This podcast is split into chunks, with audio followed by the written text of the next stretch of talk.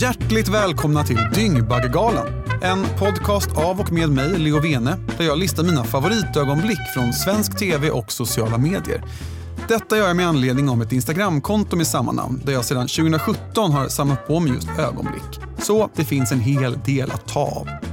Så gillar du kontot eller listor i största allmänhet så kanske det här rent av är din nya favoritpodd. Vem vet? Jag heter Leo och återigen hjärtligt välkomna till Dyngbaggegalan.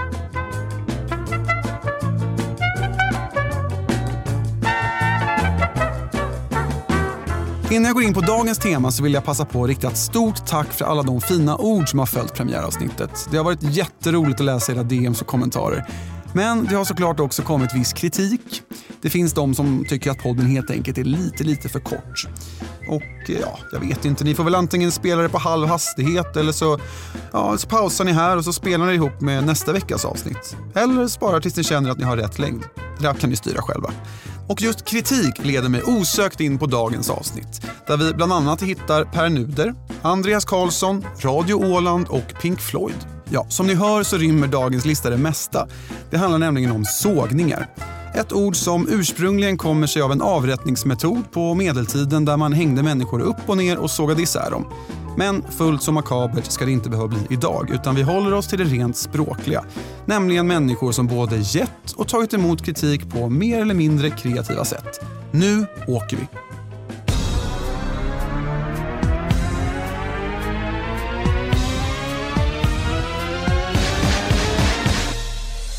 Och vi rivstartar med ett program som kanske inte allt för många minns. Made in Sweden skulle med Idoljuryns hjälp göra två okända svenskar till världsstjärnor. En av dessa adepter var Kim Fransson som enligt Wikipedia just nu jobbar på ett album som släpps vintern 2010. Andreas Karlsson. Ja, ni minns han från Idoljuryn som skrivit typ en pianoslinga på något Backstreet Boys-album och som sedan dess har kränkt håravfallsprodukter och skinnjackor. Ja, den Andreas Karlsson bjöd i alla fall in sin i sammanhanget aningen mer framgångsrika polare Desmond Child med bland annat Living on a prayer och Living la vida loca på sitt CV för att visa upp sin oslipade diamant.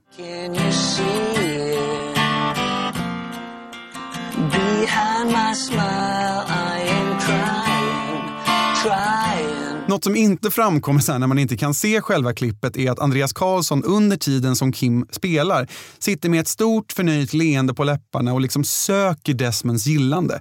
Han tycker verkligen att det här är skitbra. Men det tycker verkligen inte Desmond. What are, what are you singing there at the end of the chorus? My eyes or what? Is isolated isle. What? Isolated isle. I don't get this song.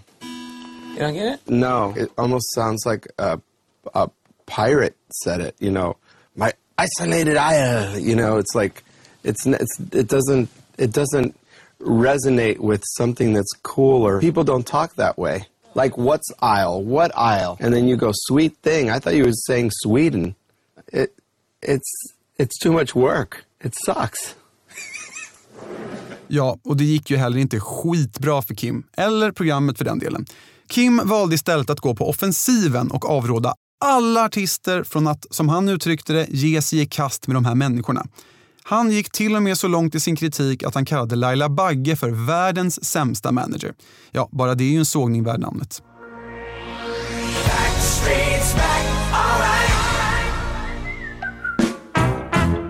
2004 går Folkpartiet, Kristdemokraterna, Centerpartiet och Moderaterna samman och bildar Alliansen. De styr vårt land med höger hand, i täten för detta skrytbygge går Fredrik Reinfeldt som väl knappast behöver någon närmare presentation. Öppna era hjärtan. En som inte lät sig imponeras lika lätt av den nya alliansens reslige ledare var föga förvånande socialdemokraten och motspelaren Göran Persson.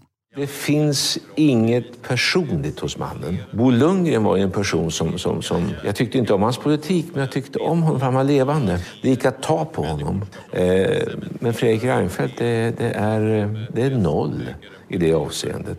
Jag tror att vi klarar valet. Det tror jag. Också mycket beroende på att de borgerliga är väldigt dåliga.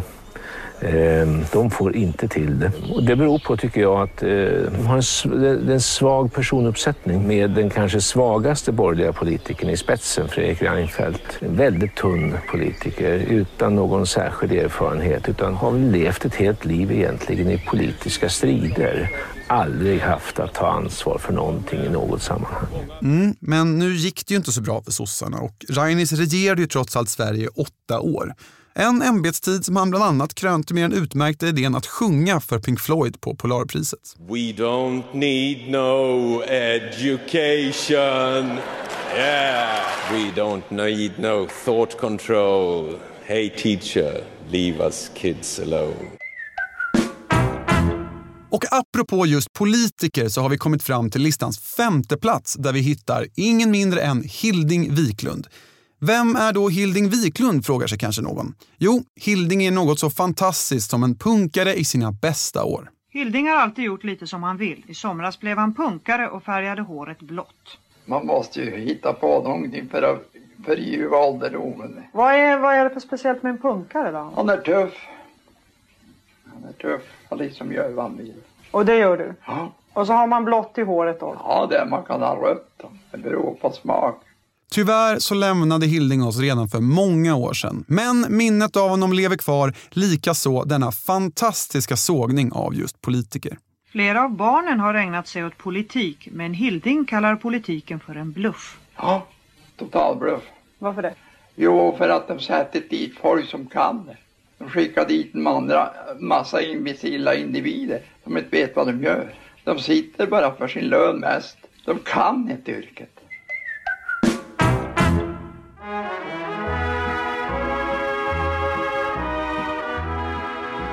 I Stjärnorna på slottet så samlas svenska stjärnor på ett slott och utbyter historier från livet som har varit. Ett slags public service-svar på Så mycket bättre helt enkelt. Stjärnorna får sedan i uppgift att styra upp en dag med aktiviteter som de andra snällt ställer upp på. Åtminstone är det så det är tänkt. Komikern och författaren Jonas Gardell däremot hade inga som helst planer på att ställa upp på denna okomplicerade premiss. Nej, när den svenska pianisten Cheja planerat in musik på körschemat, då brast det helt enkelt för stackars Jonas.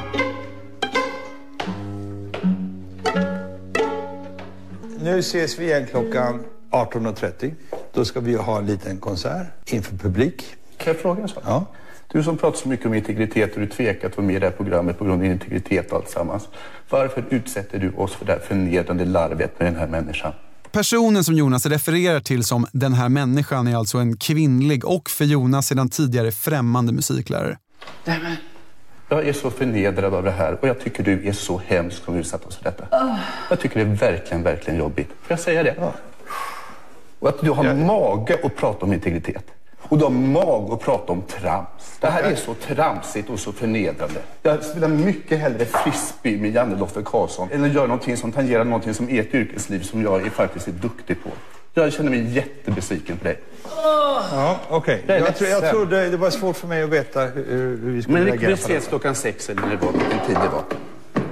Så är vi där, snofsigt klädda. Nu går jag. Hej så länge. Man kan ju tänka sig att en person som brinner så starkt för den enskildes integritet och som förväntar sig att omgivningen ska ta hänsyn till ens egna preferenser och kompetensområde kanske också skulle ta hänsyn till andras preferenser, integritet och kompetensområden. Så kommer den här Kristina, varsågod, här kommer den. Och vad är det för fel på lite vanlig, hederlig, gammaldags sex? Lite rajtan, tajtan, hula baloola. Det är inte korven man blir tjock av, det är såsen rakt på. Smackmedaljongen kör så det ryker. Byter kudden, kärring, nu byter vi våning. In, ut, sprut, ut, töm. Och glöm sex ska det vara så mycket begärt. Va? Va? De knull som aldrig blev knullade förblir oknullade för alltid. Imorgon kommer kanske andra knull och nya knull. Men det är inte dagens knull. Det är inte samma knull. Så knulla inte imorgon. det du kan knulla idag. Det går aldrig att ge knull igen till oknullade gossar som stelnat till män. Knulla mig som mest, men jag förtjänar det som minst. För det är då jag behöver det som mest. Jag säger som Einbusk Singer. Knulla mig för den jag är. Och sen är det meningen att ni allihopa ska nu sjunga Laj, daj, daj, daj, daj, da. Laj, daj, daj,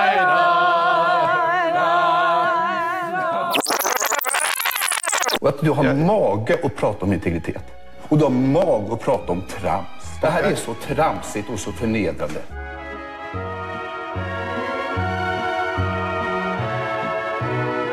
På samma tema så hittar vi skådespelaren Claire Wickholm som likt Jonas Gardell var med i Stjärnorna på slottet. En programidé som alltså bygger på att man ska berätta om sig själv och sina karriärer. Formatet är oförändrat sedan 2006 och det är väl egentligen ingen som har ifrågasatt just den biten att tala om sig själv. Allra minst Jonas Gardell. Förutom då Claire Wickholm, kanske mest känd från den svenska 80-talskomedin Vi hade i alla fall tur med vädret, som lyfte bladet från munnen när skådespelaren Morgan Alling berättade om sina framgångsår i början av 1990-talet. Det gick ju väldigt bra. Det var med tv-serier och jag var med där och jag skrev och jag gjorde... ett- Jag hade privatplan liksom. Vi flög mellan spelningar. Vi gjorde... Jag, eh, spe- Elvis! Ja, men det var ju så. Jag tycker du är ganska självgod. Jag är självgod? Ja, visst. Du har ju bara berättat om att du har gått från lycka till lycka i teatern och underbart och bara gjort succéer och folk har skrattat ihjäl sig. Ja. Och det var jag har jättesvårt för sånt.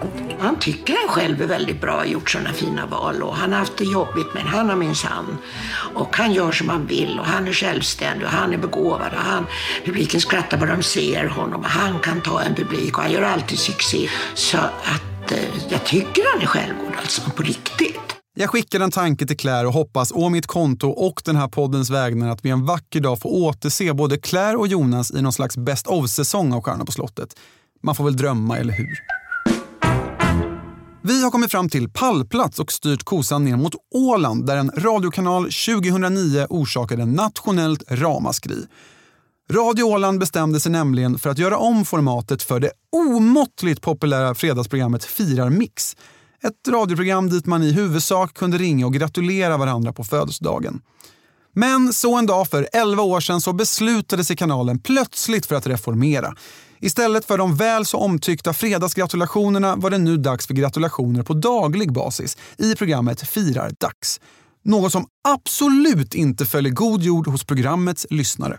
Hejsan, vem är på tråden? Ja, jag önskar att Fyramix ska finnas kvar på fredagarna. Okej, varför då? Då vet man att Fyramix börjar efter kaffetiden och sen ska man göra i ordning till middagen. Ja, då vet man när det är. Jag tycker det har varit perfekt det här, ja. Jag önskar det var, och jag, har, jag tror jag har medhåll. Mm. Jag tycker man har vänt sig vid det här och man är, människan är en vanlig sak. Vanlig människa. Vanlig. Ja, jag tycker som föregående talare ska vara kvar på fredagarna. Mhm. Jag tycker inte alls om det här nya. Fyra mix ska vara på fredagen och då vet man det. Varför tror du att så många tycker det är så viktigt med fyra mix? Ja, för att det, det är trevligt. Men nu vet jag då inte om jag hör på överhuvudtaget för det är bara ett trams hela tiden. Den är helt åt helvete.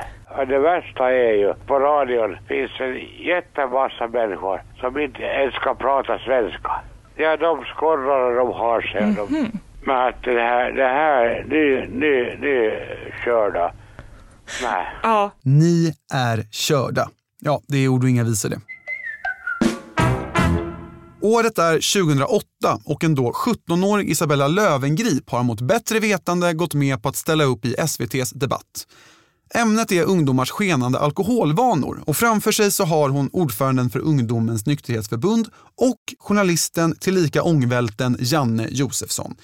Det visar sig rätt snabbt att Bella inte riktigt är beredd på vad som komma skall och Janne Josefsson, ja, han är Janne Josefsson. Jag dricker väldigt, väldigt sällan. Din blogg visar ju något helt annat. Om vi tittar lite grann på några bilder som vi bara plockat ut här. Det är ju eh, sprit eh, hela vägen här förmodar jag. Det är ju vin, du sitter här och dricker. Så här skriver du eh, om när du är bakis och det var, lite, det var inte lite, lite trevligt att sitta och smutta på ett torrt glas vin skriver du. Den 13 juli, några dagar innan så kände du dig helt död. Du var så, ba, hade som bakisfylla. Alltså det är hela tiden eh, sådana här saker. Nej, det håller jag inte med om. Ja, men det det är bara några dagar mellan 9 juli, 10 10 juli, 13 juli, 14 juli, 18 juli. Det här är några dagar nu under sommaren. Sommar då man kanske är ute lite mer än vanligt. Den bild som man ser där visar inte innehållet i min blogg. Jag dricker väldigt sällan och jag kanske inte är världens bästa förebild gällande alkohol. Men jag ser mig ändå som nå bättre än någon annan. Därefter följde en debattartikel i vilken Blondinbella beskyllde Janne för att ha tystat henne på grund av hennes politiska åsikter. Det var som vanligt det vänstervridna public service-spöket som ännu en gång tystat och tillintetgjort oppositionen.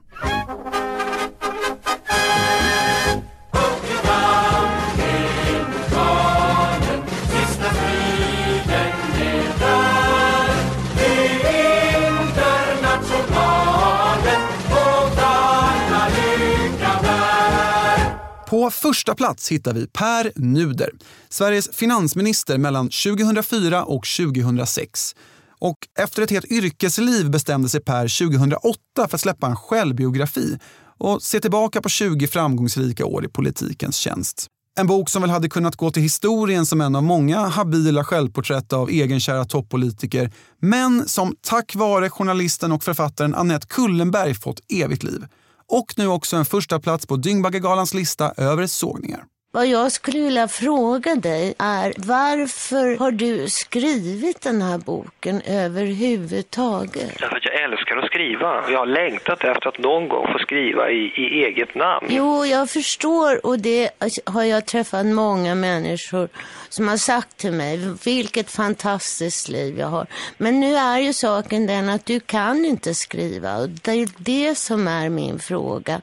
Hur har den här boken kunnat publiceras? Ja, du Anette, det får väl du fråga Norstedts förlag och eh, som- men de som har inte du någon som helst självkritik? Jag menar, Men vad menar du med att säga att Per Nuder inte kan skriva? Ja, det räcker ju med att slå upp och börja läsa det så att säga. Eh, Det verkar ju som att du är ledsen för en massa saker som har hänt och det är jag också. Alltså det här pågår i typ fem minuter. Och det är ju inte utan att man känner lite för stackars Per som bara sitter där och tar emot slag på slag från en fullkomligt skoningslös Anette Kullenberg. Nu får du den här impulsen. Jag vill skriva och förklara allt. Men ditt liv verkar ju så oändligt långtråkigt. På valdagen så kan du inte hitta på att gå på ett museum eller lyssna på en konsert. Du går upp och sätter dig vid ditt skrivbord och slår på datorn. Kunde du inte hitta på något annat tills valresultaten kom? Kanske det är så Per. Jag tror att du är mycket begåvad men att du saknar fantasi. Men trots allt detta så lyckades faktiskt Annette mot alla odds till sist hitta ett litet glädjeämne i Pers alster. Ni som köper Per Nuders bok kan glädja er åt ett 20-tal fotografier på Per Nuder. Jag förstår inte varför det är så få bilder Per. Kan du förklara det? Är, är Per Nuder kvar? Ja, jag tror att eh, Per Nuder har tröttnat på oss. Och där sätter jag punkt för den här gången. Du har lyssnat på min lista över sågningar där vi bland annat har fått höra vad punkaren Hilding Wiklund tycker om politiker och vad Jonas Gardell tycker om att spela fiol. Känner du ett uppdämt behov av att såga mig så är det fritt fram och du gör det allra bäst på Instagram där jag heter Violene eller Dyngbaggegalan. Podden är producerad och utgiven av Novel Studios. Jag heter Leo Vene och tack för att ni har lyssnat. God kväll Sverige.